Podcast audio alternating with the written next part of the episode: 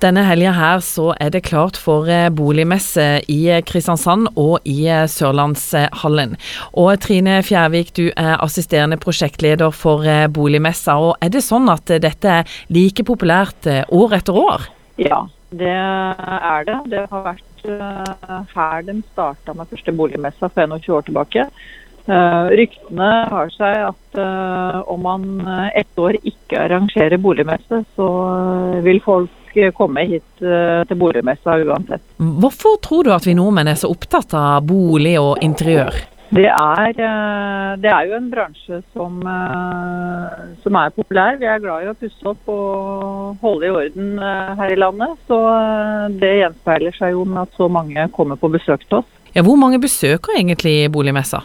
Her i Sørlandshallen nå så forventer vi ca. 12 000 mennesker fra fredag til søndag. Og Er det sånn at det er på en måte på messa de gode tilbudene er, og de gode tipsene og eh, de gode rådene?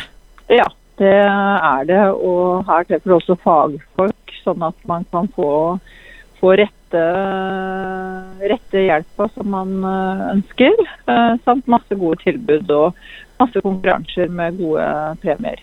For det er ganske variert i forhold til utstillere? Ja, her finner du egentlig alt ifra tak, kjøkken, bad, møbler, garderobe, interiør, uh, utemiljø. Både moderne gulv til uh, tregulv til det meste. Og så er det jo sånn at i år også så kommer Otto Ropsam og blir med på boligmessa, og det er vel et populært innslag? Det er alltid like populært. Han holder jo både foredrag med gode råd og tips, samt handygirl og handyman med morsomme konkurranser. Og skaper stor interesse rundt scenen. Du hører på Metro Sør.